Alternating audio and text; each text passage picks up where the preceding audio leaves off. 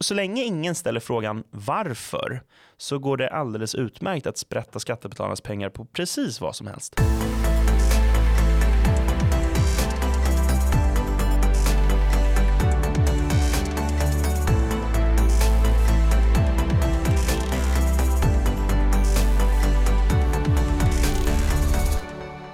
För att synliggöra det omfattande slöseriet med våra skattepengar anordnar Slöseriombudsmannen varje år tävlingen Årets värsta slöseri. Och nu är det dags igen. Och för att diskutera årets kandidater har jag med Skattebetalarnas kommunikationschef Per Lindgren. Varmt välkommen Per! Tack så mycket! Trevligt att ha dig här. Du har ju gästat podden tidigare och är också den som är ansvarig för klippning och manus och sådär för, för podden. Ja. Eh, så att du är ju eh, någon som eh, lyssnarna kanske inte lika ofta hör i podden, men du är ju djupt involverad. Nu är inte Slöseriombudsmannen här som egentligen arrangerar den här tävlingen varje år. Och du jobbar ju inte som slösare, men varför är du här då? Ja, nej men alltså jag är väl här som någon eh, eh substitut. Jag hoppas att jag räcker till. Eh, men vi är precis nu i jakt efter en ny slöseriombudsman och håller på att rekrytera det. Eller vi och vi, det är väl framförallt ditt jobb skulle jag säga. Eh, och, men däremellan så, så ska vi försöka axla den rollen gemensamt på eh, kansliet kan man säga. Och eh, då har ju både du och jag varit involverade i att rodda den här årets värsta slöseritävlingen. Mm. Men med god hjälp av eh, vår förra slös som ju eh, samlade in en hel del av de nominerade bidragen innan hon eh, gick vidare till annan tjänst. Ja, just det. Vi har haft god hjälp av Josefin här att ta fram eh, de här bidragen för året. Hur utses då de här nominerade? Men det, det är ju en, som sagt då, eh, var ju hon en nyckelspelare i det, men det är väl en blandning av att eh, Slöso själv gräver fram olika slags slöserier och också att eh, olika följare till Slöso kommer med tips. Så eh, det, det ska uppskattas och uppmuntras att eh, om ni kommer på någonting som är, dåligt, som är dåligt spenderande av skattebetalarnas pengar så kan ni jättegärna skriva till Slöso på Facebook eller Twitter eller eller skicka till skattebetalarnas mejl. Det, det, alla vägar är rätt väg. Ja, för det är ju så. Vi, vi här på kansliet och inte minst hos Slöseriombudsmannen upptäcker ju då en hel del sådana här saker själv. Men ganska många av de här som, är, som lyfts av Slöseriombudsmannen är ju då tips från, från allmänheten. Absolut så. Eh, eh, hur ser du på, vi ska gå in på lite de konkreta förslagen, men hur ser den här blandningen ut? Det är lite från högt till lågt. Ja, precis. Alltså ambitionen brukar ju vara det att ge någon slags samlad bild av hur slöseriet ser ut. Alltså att slöseri kan uppkomma precis på alla nivåer och i alla former. Alltså att det kan vara på kommunal nivå, regional nivå eller eh, ja, statlig nivå eller internationellt i EU är det vanligt förekommande och så vidare. Så det är dels det, men sen också finns det ju den, den typen av slöserier som kan vara mer eh, kan få en att dra på snilbanden. Det var något slöseri för något år sedan om konst till dagmaskar och eh, den här stegrande enhörningen och så som man kan liksom skratta lite åt även om det är galenskap i grunden. Och sen så finns det mer av de här storskaliga, eh, mer strukturella problemen som exempelvis kanske eh, förra årets vinnare, Coronafonden till EU som var ju astronomiska belopp. Eh, till, ja, som skulle vara någon slags återstart för EU efter corona, men ju inte i alla delar var det, utan det gick ju till både det ena och det andra som överhuvudtaget inte kopplar till EU eller till corona. Eh, Nej, och just, just nu så har, väl, har, man väl köpt eh, Ungerns medgivande till ett stöd till Ukraina för just det här coronapaketet. Ja, det går att klämma in precis vad som helst i det där paketet. Det, det gör det uppenbarligen och verkar mest vara ett sätt att för länder att slippa ta tag i strukturella eh, ekonomiska problem. Eh, Just så. så. Så, kan man använda andras pengar för det, eh, vilket ju är bedrövligt. Och missförstå mig rätt, jag är väldigt mycket för ett stöd till Ukraina, men jag är inte säker på att vi borde behöva köpa det av Ungern för coronafonder. Nej, eh, och jag är inte helt säker på att det var det som, alltså det var corona som fick Putin att invadera Ukraina. Det, liksom, kopplingen är inte helt glasklar. Det kan man verkligen säga. Men den som spenderar andras pengar har alltid råd. Eh, eh Ja, i år är det tio nominerade slöserier. Och innan vi går in på dem, hur gör man för att, hur gör man, för att man väl rösta på något av de här förslagen? Då går man in på skattebetalarna.se AVS, alltså årets värsta slöseri utan ringen och på ået, alltså AVS, skattebetalning.se slash AVS. Och så ligger det då alla slöserierna där med förklaringar och så är det bara att trycka på den man tycker är värst. Mm. Spännande. Och kan man rösta fler gånger? Absolut, det kan man göra. Härligt. Och det är till skillnad från Mello så kostar det ingenting. Exakt. Och det här, är ju... det här borde vi se över. ja, det, borde vi, just det, just det. Det, är, eh, det är ingen musik, men det kan ju vara en fördel när man jämför med Mello beroende på vad man har för intressen. Eh, eh, så är det. Eh, då så, då ska vi gå igenom kandidaterna en och en och det första som är en eh, lite favorit för mig eh, kallas för trollsyn. Vad är det ja, för Nej, det här, ja, men precis det här, får, det här är ett sånt där projekt som kanske liknar just det där med konst för dagmaskar typen, att man liksom skrattar till åt det lite. Så det här är då ett projekt som kallas Trollsyn i hjärtemarkerna och det sker på eh, Linnéuniversitetet.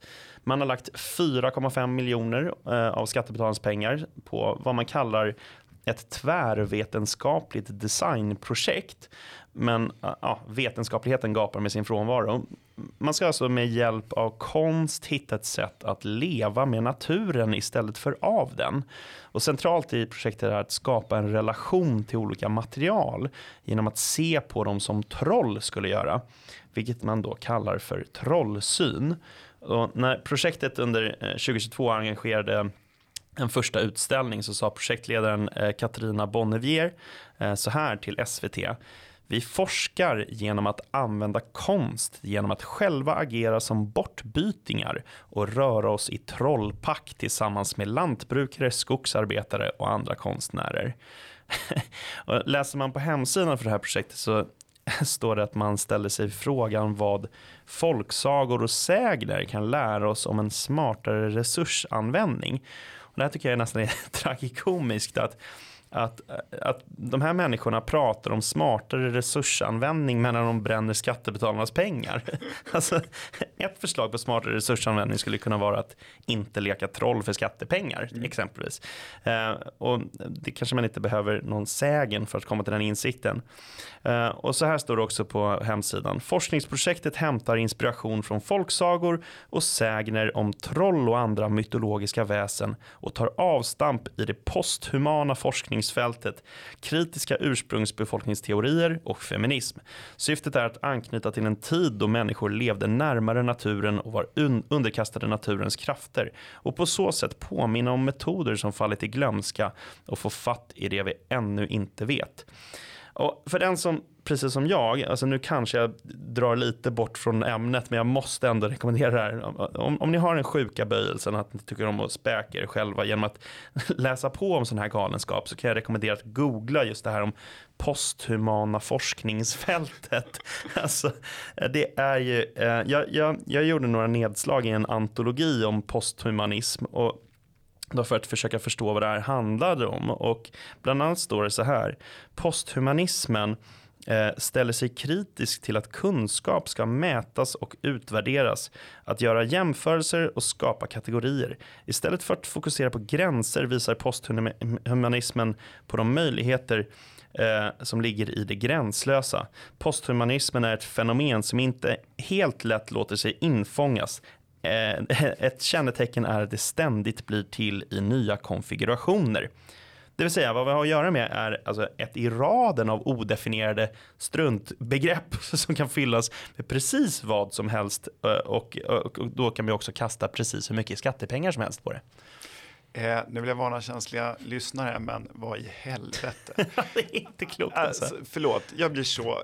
Alltså, det finns ju, alltså vetenskaplig metodik ja. är, handlar ju om att man ska dels kunna återupprepa eh, experiment eller studier och också att det, alltså, att det finns falsifierbarhet och att man helt enkelt ska kunna testa objektivt om det här mm. funkar mm. och så kan man förkasta mm. eller gå vidare mm. tills någon kommer med en bättre teori. Just. Men om det här handlar om hur människor känner så är det ju helt omöjligt omöjligt att, att återupprepa experiment eller ja, hitta någon falsifierbarhet. Det här är ju liksom, alltså, Ja, det, och, och, det, och det är liksom bara, det, de, de lyckas inte ens med att beskriva det vetenskapliga fältet de påstår sig använda sig av. Alltså det, är liksom, det, är, det är inte definierat i någon minsta atom, så det är bara, det är bara luft. Så jag är väldigt, väldigt glad att fysik inte utvecklas på det här sättet, för jag är inte säker på att vi skulle komma någonstans i så fall, om det, om det handlar om hur människor känner inför olika saker. Ja, nej, fantastiskt. Ja, men det här är, ja, så det är ettan på vår lista. Alltså jag vet inte om man orkar gå vidare. alltså jag blir så deprimerad. Ska vi ta en paus och andas lite? ja, jag fyra och en halv miljon, jag behöver, jag vet inte. Alltså det här, det är, det är, så, det är så otroligt. Det är så otroligt. Jag har ingenting emot om människor vill känna sig som troll, då får de jätte, jättegärna Ja, göra det. gör Och det. smyga omkring och För dansa sig fram och känna på träbitar och, Ja. och så. Det får de jättegärna göra. Men det- ta med tusan inte för mina pengar. Nej, det låter som en sund inställning. Alltså, lägg ner. Ha, vi ska se om vi hittar något som toppar det här i stupiditet. Eh, det, det finns ett, nummer två på listan är då en reklamfilm av Trafikverket. Ja. Det, jag var tvungen att, vi kollade ju faktiskt gemensamt på den precis innan vi började spela in här. Det, det här är en ganska Mm. Ja, är snygg, ja visst, det är en ganska snygg film som liksom i sin estetik påminner lite om en valfilm. Och jag, kanske, jag, jag har en bakgrund i politiken så det kanske är att jag är miljöskadad. Men när jag ser den här filmen så påminns jag om Moderaterna hade en valfilm om thaikiosk 2014 och även Sverigedemokraternas valfilm från, från årets valrörelse när Jimmie Åkesson han gick runt och tog snus och blickade ut över, över sädesfält och snötäckta bergtoppar och sådär. Det var några karoliner som sprang runt och sköt på hus Ja men, också. visst. ja, men lite nationalromantiskt och känslospäckat var det. Och det är det där, det är väldigt känslospäckat det här, den här filmen. Men när det då kommer till politiska partier, alltså visst man kan ju då man kan ju diskutera huruvida själva partistödet är, rimligt eller inte. Men, men om, man, om man funderar på varför de gör den typen av filmer så är det ju för att man ska rösta på deras partier.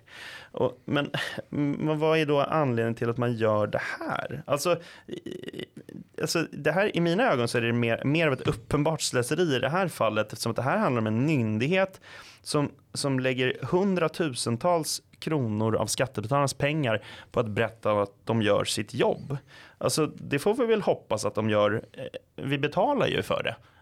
Så, så ändå då är det rimligt att lägga 650 000 kronor av skattebetalarnas pengar för att berätta att det är Trafikverket som ser till att ja, det flyter på när järnmalmen ska fraktas eller någon ska ta tåget till mormor eller morfar och sådär. Det, liksom det, är en, det är en slags självförhärligande säljpitch som säger ungefär så här, hej på er, vi gör det ni betalar oss för att göra och eh, vi tar också betalt från er för att berätta för er att vi har gjort det.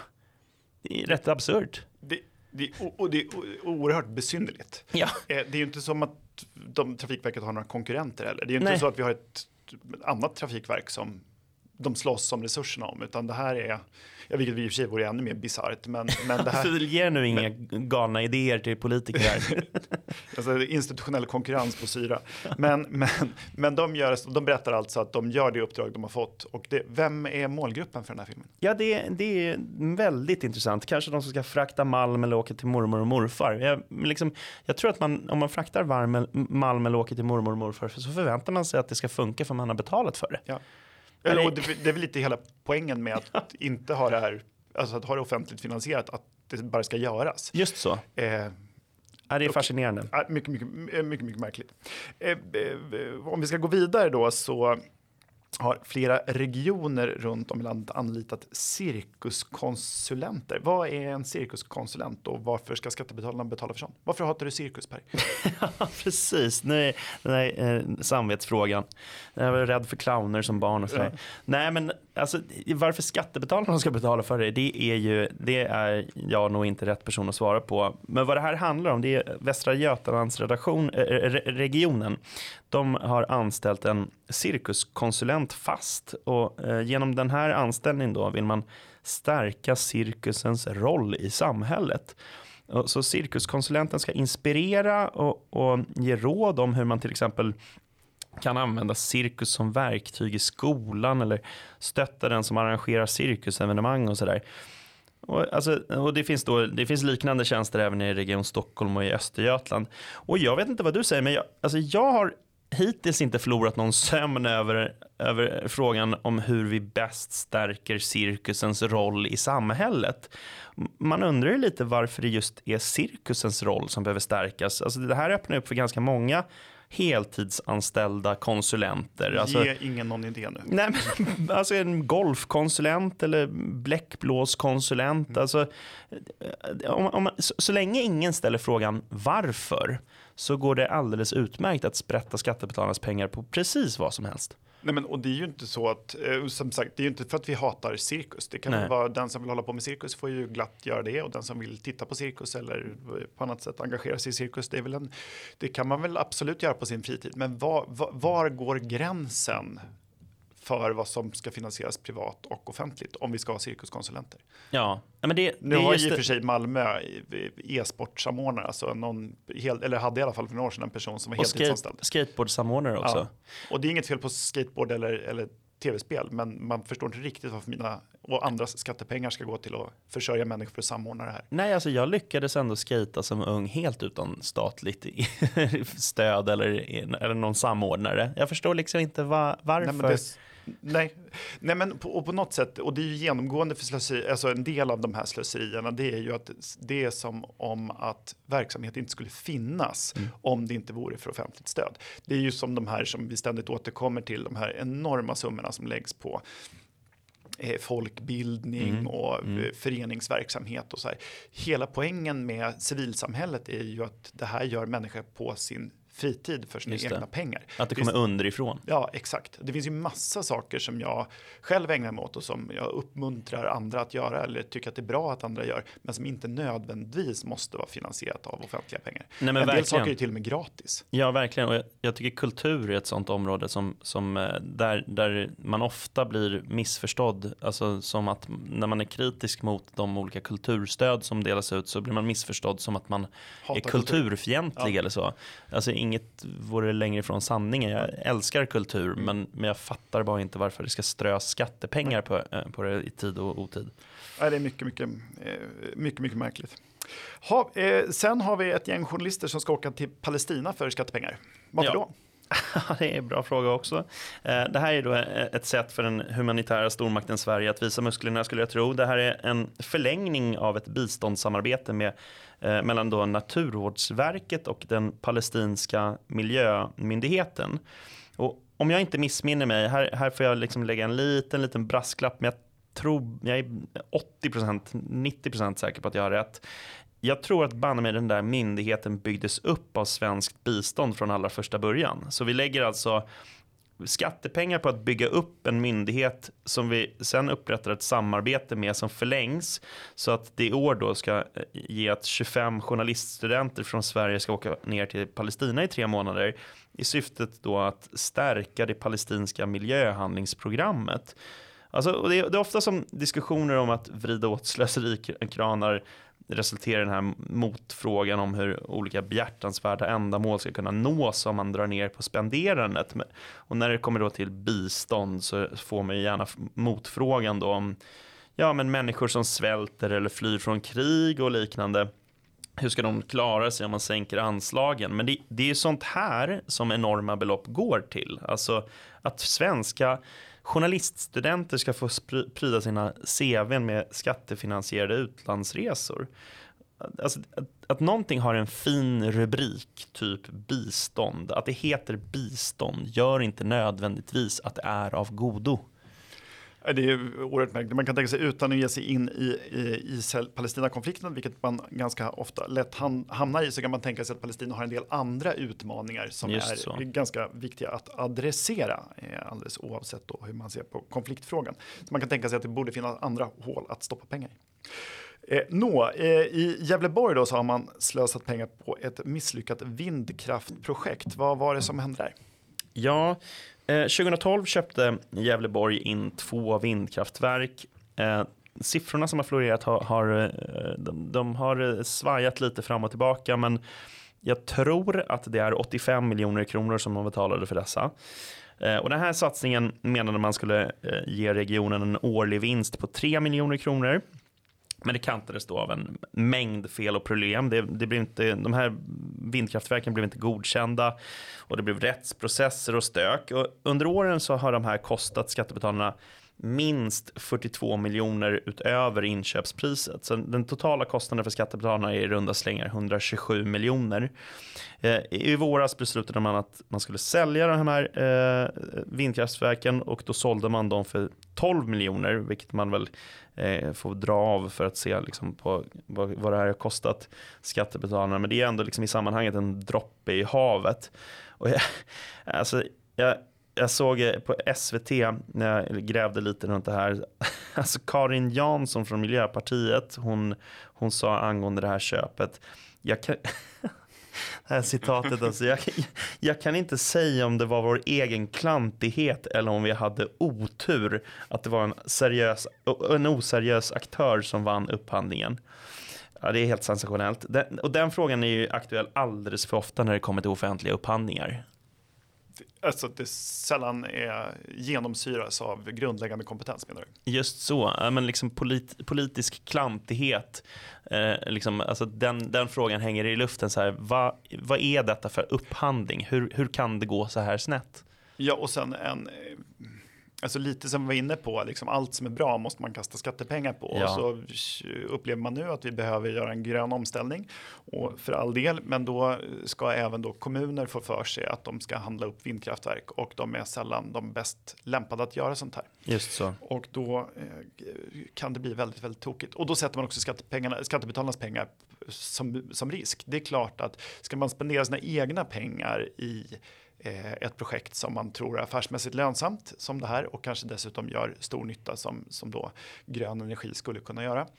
Eh, då är det så otroligt lätt när man inte riskerar sina egna besparingar att, att satsa, satsa skattebetalarnas pengar på det här. Eh, och följden blir eh, högre skatt och eller då minskad kommunal service för de här pengarna. Precis.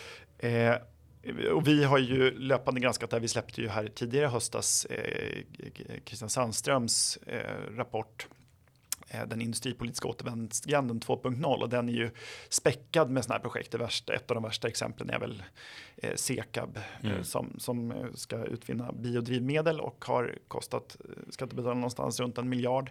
Eh, Gobigas i Göteborg är ett annat exempel där man där man från kommunens sida inte sällan då spekulerar i liksom prisförändringar i de här fallen på olja men tror sig då kunna göra inte bara stora miljövinster utan också stora ekonomiska vinster. Och eh, Eh, Eh, i slutändan så är det eh, skattebetalarna som får stå för fiolerna. Ja, eh, vi går vidare. Arbetsförmedlingen och deras tomma utbildningsplatser har varit återkommande i Slöseriombudsmannens granskningar och är nu också nominerade i årets värsta slöseri. Berätta mer. Ja, nej men det, det, här var lite det du var inne på förut. Alltså det, det här är ju beklämmande. 2021 betalade Arbetsförmedlingen ut drygt 34 miljoner kronor för utbildningsplatser som inte utnyttjades. Och det här var någonting som det skedde även 2020 och nu år 2022 så kan vi konstatera att det här har eh, fortsatt. Jag har inte dagsfärska siffror på hur mycket det här ligger på, men eh, i april så var den här siffran uppe på eh, nästan 10 miljoner kronor som då hade gått till tomma platser. Så alltså, det är svårt att hitta ett mycket tydligare slöseri än att miljontals kronor går till tomma platser. Det, det är, ja, det, alltså att det fortgår är fascinerande. Alltså man kan ju tänka sig att någon borde någon gång vid något tillfälle dra i nödbromsen och säga att det här kanske inte fungerar optimalt. Ja, man skulle kunna tycka det. Och för att eh, fortsätta med jämförelsen med hur man skulle agera om det var ens egna pengar. Det, är mm. ju, det, det, här är ju som att fortsätta ha en eh, hyr-tv som har slutat fungera för flera år sedan. Ja, nej men alltså jag tror att liksom frugan skulle ju lämna en om man så här, år ja. tre ja. bränner, bränner hushållskassan på tomma platser. Ja. Men va? Lärde du dig ingenting nej. år ett? När det här är eh, vaska. Ja. Eh, eh, sen har vi Gert Wingård som ska rädda Uddevalla från centrumdöden. Hur ska det här gå till? Ja, alltså eh, arkitekten eh, Gert Wingård, han är ju då känd för oss stockholmare för det här slutförvaret av kärnbränsle som han byggt på Djurgården, eller som vissa kallar det, tillbyggnaden på Liljevalchs. Det här valdes till Sveriges fulaste nybygge av arkitektupproret 2021. Men det är inte den eh, betongklumpen som är i fokus nu, utan Vingård som, som sa, han är då en del i en satsning som ska rädda Uddevalla centrum från centrumdöden. Alltså butiks, eh, butiker slår igen och eh, ja, det, folk slutar röra sig där och kriminalitet breder ut sig och så vidare. Och nu vill man få mer liv och rörelse där. Och så, han har då fått uppdraget att rita ett nytt medborgarhus, kallar man det för, som beräknas kosta runt en miljard kronor. Och själv får han då cirka en miljon för sin insats. Eh, och han beskriver bygget som en, ett demokratiskt återbruksprojekt där invånarna gärna får bidra med material. Den senaste visionen för ett upprustat, eh, livligare och säkrare centrum är hämtat från Manhattan och eh, stadsutvecklingsmodellen eh, Business Improvement District. Och eh, till Aftonbladet sa, han, eh, eh, sa eh, Ingemar Samuelsson från Socialdemokraterna, vi vill ha ett hus som sticker ut lite grann. Eh, och det får man lov att säga, alltså när, man, när man låter kommuninvånarna släppa dit bråte till en person som har byggt ett hus som valdes till det fulaste huset i Sverige och så avlönar han honom med en miljon kronor för att bygga ett hus eh, som ska kosta en miljard. Då, det har ju nog eh, det, det, har förutsättningarna att sticka ut lite grann. Eh, särskilt som Alltså, eh, man kan ju ha olika preferenser i tycke och smak om vad som är snyggt och sådär. Men när eh, folk själva får välja så brukar de ju välja då det som många arkitekter kallar för pastischer, det vill säga sekelskifte och mm. eh, eh ja, egentligen äldre typer, typer av bebyggelsen. Eh, sen är ju centrumdöd brukar ju ha fler förklaringar till än bara arkitekturen. Eh, det brukar ju vara alltså, huruvida man kan transportera sig in i en stad, hur mycket gångvägar det finns, om det finns verksamheter i bottenvåningar. Och tack och lov ska man väl säga att de flesta städer lever ju inte av den offentliga verksamheten. Det är inte det som skapar liv och rörelse, utan det är ju trots allt mötesplatser, kommersiella ytor, kaféer, restauranger och butiker och att det blandas med bostäder och andra arbetsplatser. Eh, det är Säg, säger så. du ja, men, men, testa att bygga ett hus av skräp för en miljard så kanske det löser sig. Vi, låt oss säga så här, låt oss återkomma till denna fråga om några år och så ser vi om vi hade fel så ska vi, ska vi genast då rätta oss och eh, eh, idka självkritik. Eh, jag undrar om det eh, något år varit så att eh, tävlingen Årets värsta slöseri har arrangerats utan att Malmö har varit kandidat. Ja, det är tveksamt. Tveksamt. De är, någon slags... Eh, Stående alltså, inslag. Ja, de är, nu ska jag inte göra fotbollsreferenser, men de är någon slags, som, som Brasilien är i fotboll, är Malmö i slöseri. Verkligen så. Nej, men alltså, eh, så i årets upplaga av den här tävlingen så ställer Malmö upp med en kandidat som som jag skulle säga beskriver staden väldigt väl. Från ehm, 1 april till 6 november så pågick utställningen Tillväxt, vad är det? på Malmö museer. Så utställningen kostade 800 000 kronor och eh, ville utmana begreppet tillväxt.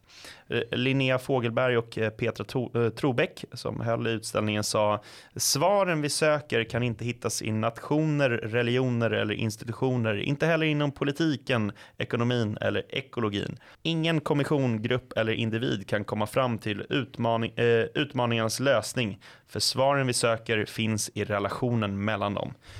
Eh, sedvanligt glasklart budskap från en utjämningsstödsfinansierade staden i syd. Eh, ett hett tips vore annars att inte ifrågasätta tillväxt utan faktiskt den. försöka uppnå tillväxt. Eh, färre flumprojekt, fler jobb kanske vore ett lämpligare konstprojekt för den staden. Det här är en annan sån sak som slår mig när man tittar på slöseri. Ganska ofta så är det det som man inom psykologin kallar för överslagshandling. Mm. Eh, och det enkla exemplet är väl att huset börjar brinna och man blir så stressad av det så istället för att plocka fram brandsläckaren så börjar man liksom vika tvätt. För man vet, så här, problemet man står framför är så eh, är så hotande och så mm. överväldigande mm. att man inte vet vad man ska göra. Och då börjar man göra någonting liksom helt meningslöst. Man sysselsätter sig åtminstone. Just det. Eh, och det här finns då ja, på individnivå. Men här, Malmö verkar ju vara expert på att göra, Malmö har stora liksom, utmaningar att uh, skapa fler arbetstillfällen och försöka få, de, och, så här, och missförstå mig att jag älskar Malmö, jag tycker Malmö är en fantastisk mm. stad, närhet till kontinenten, man ligger vid vattnet, det är liksom, finns så här, de har fan vår en månad liksom, tidigare än vad vi har i Stockholm, bara det borde ju få en att ha gott, gott framtidshopp.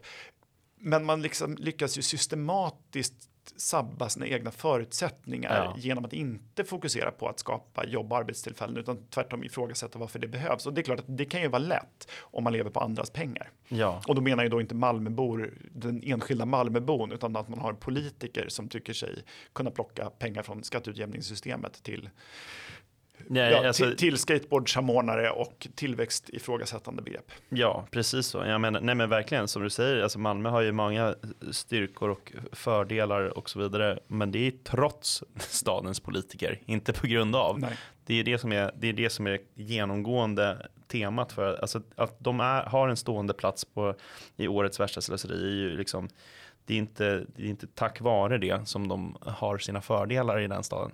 Det är verkligen bedrövligt. Ja.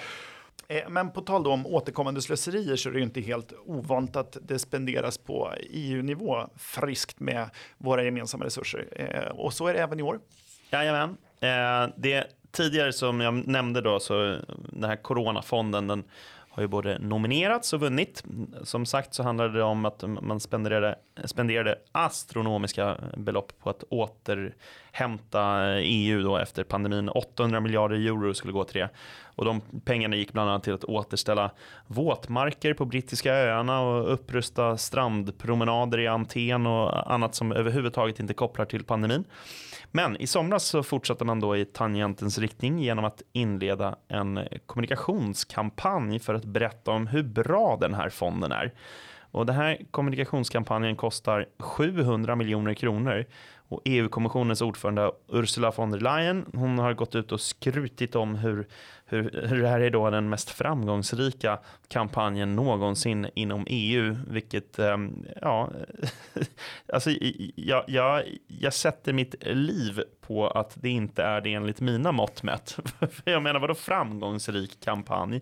Alltså, det här vore en framgångsrik kampanj om den nollades och pengarna betalades tillbaka. Det här, är, det här påminner lite om om den här Trafikverket-filmen. Alltså att man man, man liksom drar igång ett projekt och sen så berättar man för skattebetalarnas pengar om hur bra det projektet har gått. Det är liksom ingen som har bett er om det.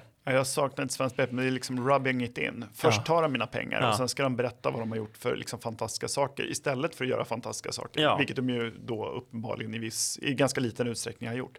Så det, är, ja, det är så provocerande. Alltså att offentlig verksamhet gör reklam för sig själva är faktiskt rätt motbjudande. Ja, visst. Eh, och det blir liksom inte bättre för att det är på EU-nivå. Nej. Eh, eh, ja, det här det är inte klokt. Eh, med risk då, det, det, nästa och vårt sista eh, bidrag eh, är ju väldigt lätt att göra någon slags eh, TV4-skämt om. Eh, men hur koko är det här? Ja, nej, men det är verkligen så. Alltså det, det här, det, förr om åren fanns det en elektronikkedja som hette Expert och, och deras slogan var Vi är vad vi heter. Och nu har ju de gått i konkurs så kanske kan man sno den här sloganen och sätta det på det här projektet som alltså heter Koko. Eh, genom Koko kommunkoreograf delar Kulturrådet ut skattepengar för att eh, stationera avlönade koreografer i landets kommuner. Eh, och kommunerna är också med och delfinansierar det eh, år man har en kommunkoreograf. Region Stockholm beskriver det så här. Eh, genom att utforska mötet mellan danskonstnär och kommun har Koko kommunkoreograf öppnat upp för nya sätt att uppleva, samarbeta och utvecklas både som kommun och danskonstnär. Och, eh, alltså det känns nästan som att man någon medvetet försöker provocera mig när man kastar skattepengar på någonting man kallar koko. Alltså det är som ett långfinger till skattebetalarna. Helt otroligt. Och nu har jag ingenting emot dans, särskilt inte modern dans som jag faktiskt är ganska förtjust i. Ja. Men jag, jag, får en bild framför mig om att det här, att allting blir som en eh, en sån här koreografifilm som var populär på 40-talet när, eh, vad heter den, eh, Singing in the Rain, ska dansa. Fred Astaire. Fred Astaire, när han ska dansa sig fram. Jag kan inte tänka mig någon värre tillvaro på jobbet än att folk börjar steppdansa och sjunga. Liksom. men, men det här är alltså någonting som vi skattebetalare får ja. stå för notan för. Är allmänt är, angeläget. Vad, är det för vad gör de konkret? Har vi någon aning om det? Alltså jag, nej, jag vet inte det. Det är ju som, som, of, som så ofta med sånt här så är det liksom bara ord, eh, liksom ord staplade på varandra. Alltså öppna upp för nya sätt att uppleva, samarbeta och utvecklas både som kommun och danskonstnär. Det finns ju ingenting som inte kan klämmas in i den formuleringen. Så det, Men vad betyder det? Det betyder ju ingenting Nej. och allting. Alltså ja. det, är det, som är, det är det som är så återkommande när det kommer till den här typen av slöserier. Att man har väldigt vaga formuleringar för att kunna klämma in precis vad som helst. Och så ska man då säkert, för att göra någon borgare glad, göra en powerpoint av det i slutet av när man har levererat. Liksom, så här, vad har du gjort för någonting? Så bara, ja men så länge du har en så vag formulering på projektet så spelar det ingen roll hur, hur, vad du har gjort. Det går inte att utvärdera helt Nej, enkelt. Vad, vad, liksom, hur gör man det? Ja. Det här låter ungefär som man, eh, när jag pluggade och man hade läst lite för dåligt i en tenta och mm. försökte liksom med många ord säga nästan ingenting för att det skulle verka som man hade någon slags aning. Just det, den här klassiska eh, hålla föredrag för klassen och så slänger man ut frågor till klassen istället. Ja, vad tycker ni om det här? Ja, eller hålla sig så vag i sina formuleringar så att vad ja. som helst kan tolkas in i det. Ja. Alltså det, ja, det och som sagt, folk får gärna dansa. Jag uppmuntrar, jag tycker att jag ska inte göra det själv helst, men, men eh, eller i alla fall inte någon på, helst inte någon ser på. Men, men eh, jag, jag har ingenting emot dans, men jag förstår inte riktigt varför man ska ha kommunala alltså, koreografer. Varför det ska inte ha... uteslutas alltså, att om du börjar dansa så kommer det vara eh, att det liknar vid något konstprojekt som är, har rätt till skattemedel. Så att... Kanske någonting att försörja sig på om jag får, får, får kicken ändå. Och varför har vi liksom inte anställda sångare och gycklare? Ja, nej, precis så. Ja, eh, bedrövligt. Eh, det, skrattet fastnar lite i halsen på flera av de här exemplen eh, och det är väl också lite vår avsikt. När koras vinnaren till den här tävlingen? Vinnaren koras i januari. Så ehm, det är bara in och rösta fram till dess. Sätt fart, in och rösta, tipsa vänner, dela dina favoritexempel på när skattepengar slösas och så återkommer vi i januari när vi har korat en vinnare. Det gör vi absolut. Stort tack för att du kom hit idag Per. Tack så hemskt mycket. Då så. Tack för att du har lyssnat på Uppskattat som är en podcast från Skattebetalarnas förening. Vi arbetar för låga och rättvisa skatter, rättssäkerhet för skattskyldiga och minskat slöseri med skattepengar. Vi bildar opinion och folkbildar i skattefrågan och vi lever som vi lär och tar bara emot frivilliga bidrag. Uppskattar du podden och vill medverka till att Sverige blir ett land med minskat slöseri och rimligare skatter så stödjer du oss enklast genom att bli medlem. Läs mer och bli medlem på www.skattebetalarna.se bli medlem. Tipsa också gärna andra om uppskatt uppskattat och betygsätt oss gärna och högt i din poddlyssningstjänst. Och med detta avsnitt så tar vi nu en liten julpaus för lite julledighet och återkommer igen i början av nästa år. Ha en riktigt trevlig ledighet till dess och lyssna gärna igenom dina gamla favoriter eller om du har missat något tidigare av våra utsändningar. Ha det så bra!